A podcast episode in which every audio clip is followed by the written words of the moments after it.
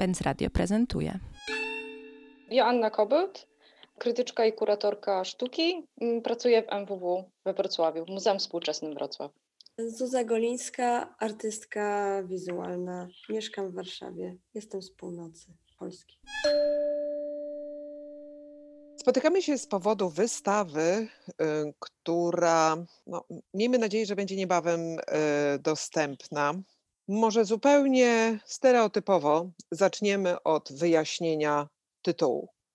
Red Giant to określenie, które jest zaczerpnięte z języka astronomii e, i jest, e, oznacza, po, polskie tłumaczenie to jest oczywiście czerwony olbrzym.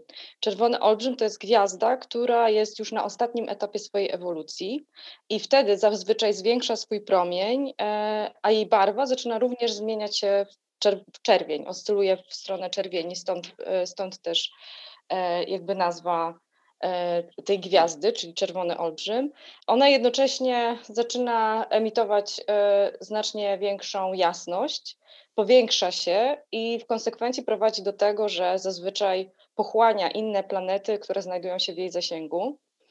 Taką gwiazdą w naszym systemie solarnym, w naszym e, układzie słonecznym jest właśnie Słońce, które za 5 miliardów lat czeka taki sam scenariusz, to znaczy również przemieni się w czerwonego olbrzyma i prawdopodobnie pochłonie te planety, które stoją najbliżej, które sytuują się najbliżej, czyli Merkurego, Wenus, no i Ziemię. Ale przyznasz, że to jest dość odległa perspektywa jednak. Tak. Natomiast y, bardzo taka prowokująca do tego, żeby przemyśliwać rozmaite scenariusze dotyczące współczesności. Bo ta katastrofa, która mm, nieuchronnie ma nadejść, każe nam przemyśliwać to, co robimy dzisiaj. I tu chciałabym Ciebie, Zuza, zapytać, jaka jest odpowiedź na to przeczucie nadchodzącej katastrofy? No nie wiem, czy na tej wystawie jest jakaś taka konkretna odpowiedź, bo ona raczej tworzy takie pewne środowisko i pewną E, atmosferę, która z kolei e, sprawia, że ktoś, kto tam przychodzi zobaczyć tę wystawę, być może się poczuje w pewien sposób i poczuje być może ten, e, ten taki cień tej katastrofy, który gdzieś tam cały czas czujemy.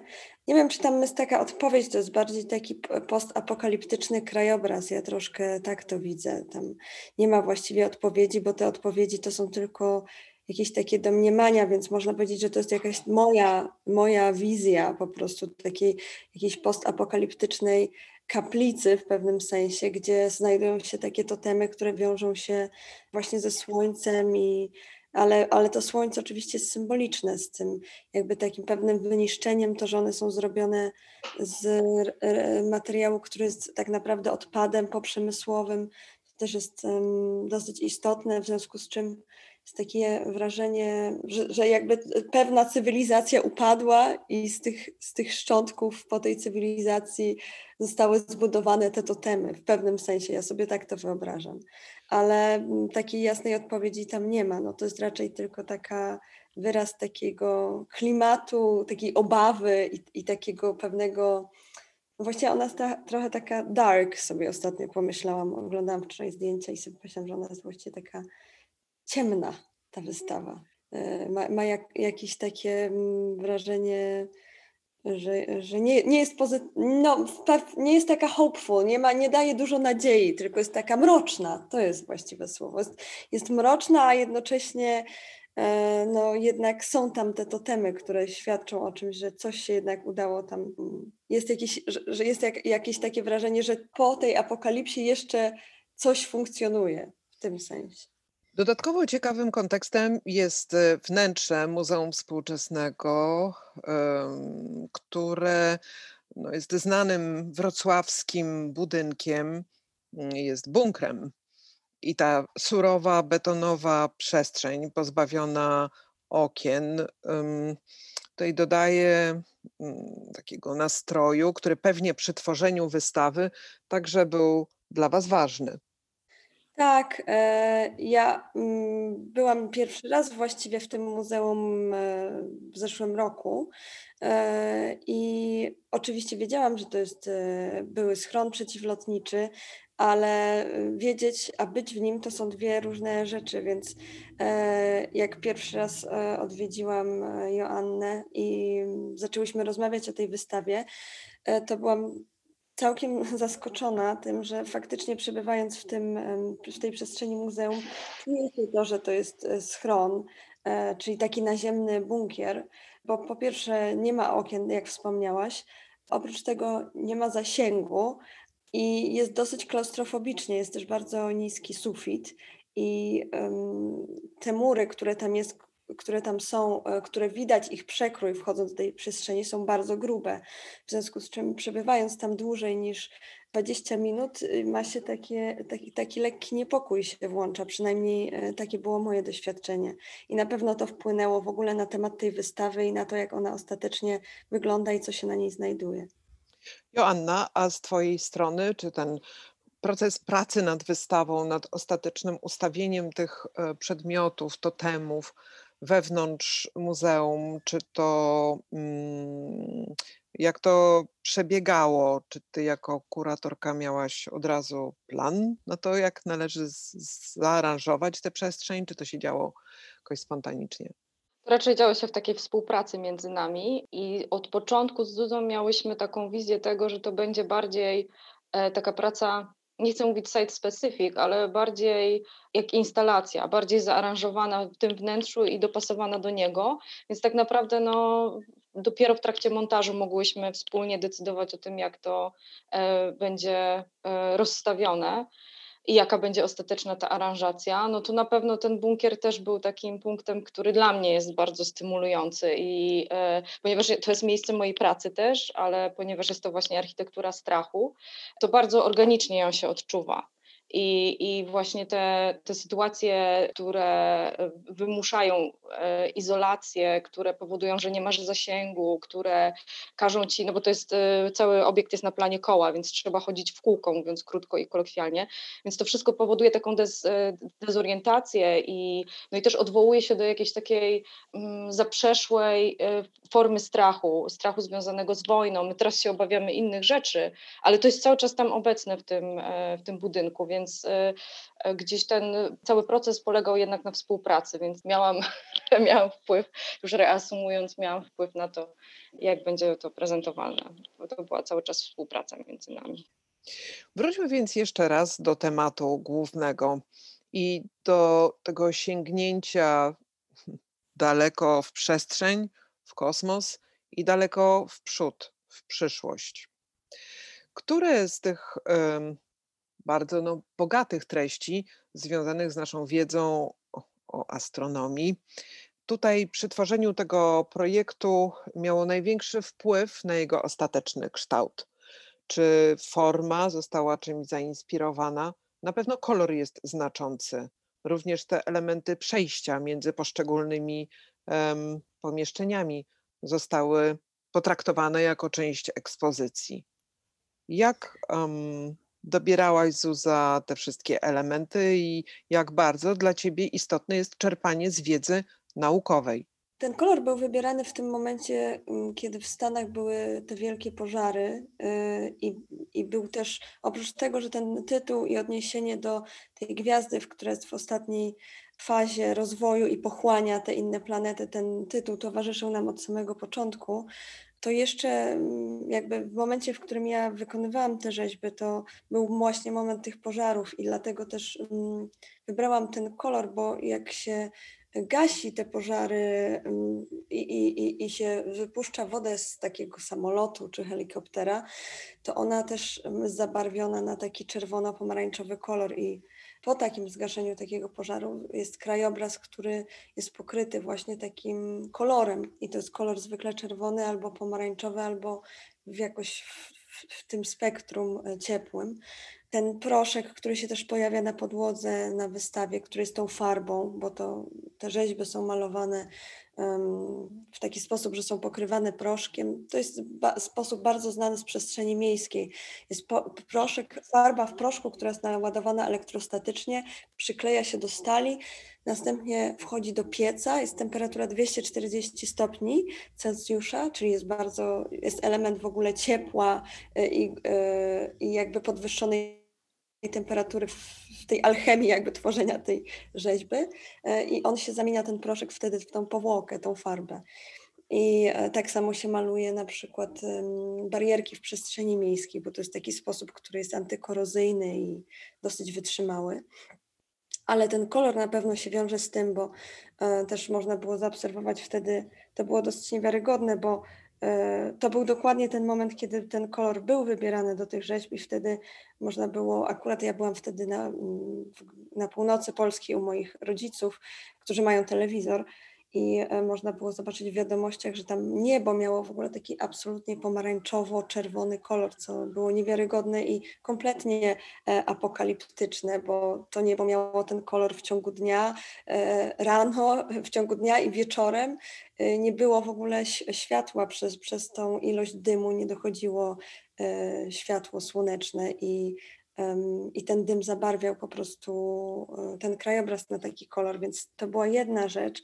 Druga rzecz jest taka, że ja w zeszłym roku zrobiłam taką wystawę Sans i to jest jakby trochę taka starsza siostra i to jest trochę takie dopełnienie i zamknięcie w ogóle tych takich poszukiwań wokół tych form totemicznych i wokół tego materiału, z którym pracuję już od jakiegoś czasu, nie we wszystkich swoich realizacjach, ale w niektórych, jak, jak, jakim jest stal, w tym wypadku y, czarna stal. I ten odpad jest poprzemysłowy i on jest z terenów Stoczni Gdańskiej. Ja akurat stamtąd jestem, z Trójmiasta e, i ten krajobraz taki przemysłowy i w ogóle ten przemysł był tam obecny w moim życiu zawsze, od zawsze, bo tam się wychowałam. Moi, e, większość mężczyzn w rodzinie ze strony mojej mamy to byli raczej marynarze, marynarze i mechanicy na statkach, w związku z czym temat był mi dosyć bliski i znany. E, no i w pewnym momencie doszło do tego, że pomyślałam, że jakoś tam nie wiem, pojechałam tam, zaczęłam się rozglądać i no i po, postanowiłam pracować z tym materiałem i właśnie z tym odpadem i z tego miejsca, nie z innego, więc to wszystko ma dla mnie gdzieś spore znaczenie i, i, i też chciałam nawiązać do tych um, słońc, które w pewnym sensie były takie dużo bardziej pozytywne i jasne i w jasnej przestrzeni piktogramu, gdzie jest bardzo dużo słońca, e, a tutaj po prostu jesteśmy mamy te, takie, takie dwie siostry, trochę takie yin i yang, że tutaj mamy przestrzeń z kolei odwrotną, gdzie jest bardzo mało światła w bunkrze.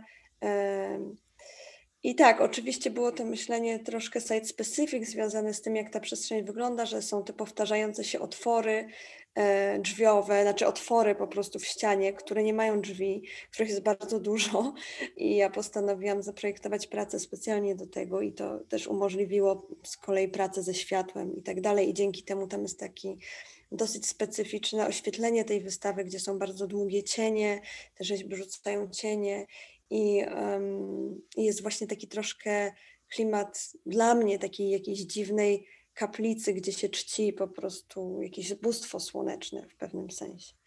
Powtórzę w takim razie moje pytanie i e, poproszę o e, Joannę o odniesienie się do tego, do jakiego mhm. stopnia potrzebna Wam była ta figura z, e, ze słońcem i jak ważna, jak istotna. Jest tutaj jakaś rzeczywista wiedza naukowa, czy jest tylko pretekstem, czymś, co dobrze spina wasz koncept, czy też jeszcze szukałyście tam informacji, które mogą dodatkowo podbijać temat, czy też sposób odbioru przez zwiedzających?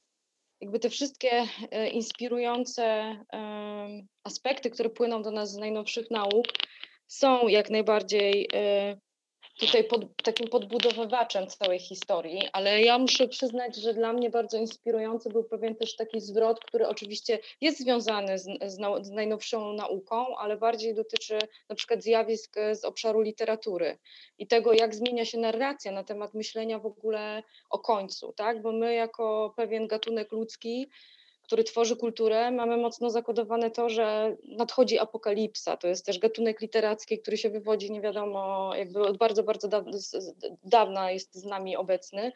I mówię o pewnym końcu, który jest przerwaniem. Natomiast to, co się dzieje na przykład we współczesnej literaturze, mam na myśli takie kierunki jak Solar Punk, jak Hope Punk, pokazują, że można na ten e, temat myśleć zupełnie inaczej. I to też jest pewna e, furtka, czy też nadzieja, pewien sposób myślenia o końcu, który pozwala nam ten być może trudny czas katastrofy, który się zbliża nieuchronnie, przetrwać. I myślę, że to w tym aspekcie dla mnie było tutaj bardzo inspirujące. To słońce w pewnym sensie, to, to nie chodzi do, do, do, dosłownie o ten, e, to jest w, pewnie, w pewnym sensie jakiś symbol, ale to, że, są że jest zmiana klimatu i że jest przeludnienie Ziemi, e, to odczuwamy wszyscy w naszym codziennym życiu, tak mi się wydaje, jeżeli się jest chociaż troszeczkę uważnym, no to Wiemy, że jest deficyt wody, że za chwilę będzie brakowało wody. To nie jest jakaś bardzo odległa perspektywa, szczerze mówiąc. Przynajmniej mi się wydaje, że jest dosyć bliska. Całe procesy związane z emigracją, związaną z klimatem, gdzieś jest za ciepło, nie ma y, jak zrobić upraw, nie można w związku z czym nic zjeść i trzeba migrować. Jakby te ruchy wszystkie, one się już wydarzają. To na ile my jesteśmy świadomi i na ile je zauważamy, to już jest inna kwestia, natomiast no, jest bardzo dużo różnych artykułów na ten temat, książek, y, ludzie, którzy są specjalistami się tym zajmują cały czas i I, I w pewnym sensie to się już wydarza. Oczywiście nie, nie wydarza się to, że e, Słońce pochłania e, wszystkie planety, ale w pewnym sensie to jest tylko taki punkt odniesienia, żeby pokazać, że coś się jednak już wydarza. To, to jest jednak nasza, nasza rzeczywistość, a nie jakaś super um, da, dalek, dalekie patrzenie w przyszłość. Właśnie, wydaje mi się, że to jest e, również takim e, główną cechą tych e, wszystkich protestów, czy też ruchów buntu, które postanawiają skończyć z dwudziestowiecznym myśleniem, nie tylko o tym, w jaki sposób mamy korzystać z otaczającej nas przyrody, czy zachowywać się jako istoty współmieszkające jednak z wieloma innymi gatunkami na planecie Ziemia, ale także w życiu społecznym. Czerwień jest dominującym e, kolorem dzisiaj polskich ulic. Myślę, że tradycyjnie jest e, związany z bardzo energicznym mm, sposobem wypowiadania żądań. I tu w, w ramach strajk kobiet także pojawia się e, ten kolor, który no, wziął szturmem tak naprawdę nasze ulice. Czy wybór tej kolorystyki, a właściwie jej dominacja ostatnio w takich właśnie ulicznych też sytuacjach. Czy tu rzeczywiście można też ustawić jakąś, jakiś związek z tym, jakich Zuza dokonałaś wyborów przy tej swojej wystawie? E, no ja tego wyboru oczywiście dokonałam troszkę wcześniej, zanim e, zaczął się tak na poważnie e, strajk kobiet. Natomiast wiadomo, że ten kolor historycznie się łączy no nie wiem, bardziej z lewą stroną niż prawą stroną, tak, politycznie. E, więc to, to gdzieś wiadomo, miałam tego świadomość, natomiast no bardzo się cieszę, że tak, że, że jakby, że to się w pewnym sensie jakoś dopełnia i spina i że, e, i że jakoś e, wymyślanie rzeczy potem ma swoje, bo to też podświadomie często takie rzeczy się dzieją, że, e, że się coś, coś wybiera, jakiś kolor i potem ten kolor faktycznie jest bardzo obecny i Natomiast ta wystawa, no tak, my już na, na nią pracowałyśmy dużo wcześniej, w związku z czym te decyzje były podejmowane wcześniej, natomiast jak najbardziej też w pewnym sensie, w tym, że to jest red i że to jest giant, że to jest czerwony olbrzym, też jest w tym jakaś taka moc, w ogóle już nawet nie wiedząc, co to znaczy czerwony olbrzym i czy to jest gwiazda, czy nie, jakby jeżeli ktoś to skojarzy z, z czerwienią strajku kobiet, no to super, jest, jestem jak najbardziej za. Tak, tym bardziej, że ten anglojęzyczny tytuł daje możliwość e, zrobienia z tego także czerwonej olbrzymki. Tak. Dokładnie, tak. Z drugiej tak. strony gwiazda to jest właściwie e, ona, prawda? Więc, e, więc to jest koniec końców. Czerwony olbrzym to jest wciąż ona, gwiazda, słońce. Dobrze. Posłuchajcie, w takim razie podsumowując już tę naszą rozmowę, e, parę słów musimy powiedzieć o dostępności wystawy, Ona obecnie, w momencie, w którym rozmawiamy, a jest połowa grudnia, y, ciągle jest niedostępna dla zwiedzających mm, ze względu na reżim sanitarny, ale ponieważ trwa do stycznia, miejmy nadzieję, że będziemy mogli ją obejrzeć. I tutaj Tak. czy jakieś podpowiedzi dla zwiedzających, a może już były jakieś oprowadzania, bądź też Tak, planujemy oprowadzanie. e, e, Niestety bunkier również pociąga za sobą to, że nie ma tam e, Wi-Fi, nie ma sieci, z której można korzystać, wobec czego będzie to niestety sytuacja nagrana, ale z pewnością pojawi się oprowadzanie. Planujemy również zrobić spotkanie, które będzie dotyczyło właśnie tematów poruszanych przez wystawę, czyli z jednej strony apokalipsy, z drugiej strony zmian klimatycznych. Mamy też nadzieję przedłużyć wystawę, znaczy cały czas jesteśmy w pewnym oczekiwaniu, co się wydarzy dalej. Oczywiście różne są scenariusze, być może będzie tak, że po świętach już ruszymy, e, wszystkie instytucje zostaną otwarte i zwiedzający będą mieli tą możliwość, ale do końca tego nie wiemy, więc staramy się jakoś em, tą sytuację właśnie zaaranżować na bieżąco. Ale z pewnością tak, pojawią się. e, Tutaj proponowałabym e, śledzić po prostu naszego Facebooka, czyli Facebooka MWW, Muzeum Współczesnego we Wrocławiu. To w, w związku z taką ekologizacją instytucji kultury i w ogóle namysłem nad tym, jak tu bardziej ekologizować mm, sferę sztuk wizualnych, co się stanie z, z tą wystawą? Czy ona dokądś pojedzie mm, po zakończeniu ekspozycji y, we Wrocławiu? Czy są jakieś plany? Jeszcze nie ma, ale chciałabym, żeby gdzieś pojechała oczywiście, bo mm, chciałabym po pierwsze, żeby jakaś większa y, ilość osób ją zobaczyła. Wiadomo, że nawet jeżeli ona będzie ponownie otwarta, to też nie wszyscy mają możliwość teraz podróżowania, y, bo mamy pandemię i jest jak jest. E, Natomiast być może, być może, na razie jest jedna propozycja, ale wolę o niej nie mówić, bo dopóki nie jest potwierdzona, to nie wiadomo, czy się wydarzy, ale mm, tak. Dobrze, będziemy trzymać kciuki w takim razie za Czerwoną Olbrzymkę. Bardzo Wam dziękuję za rozmowę. Dziękujemy. Dzięki. Dzięki.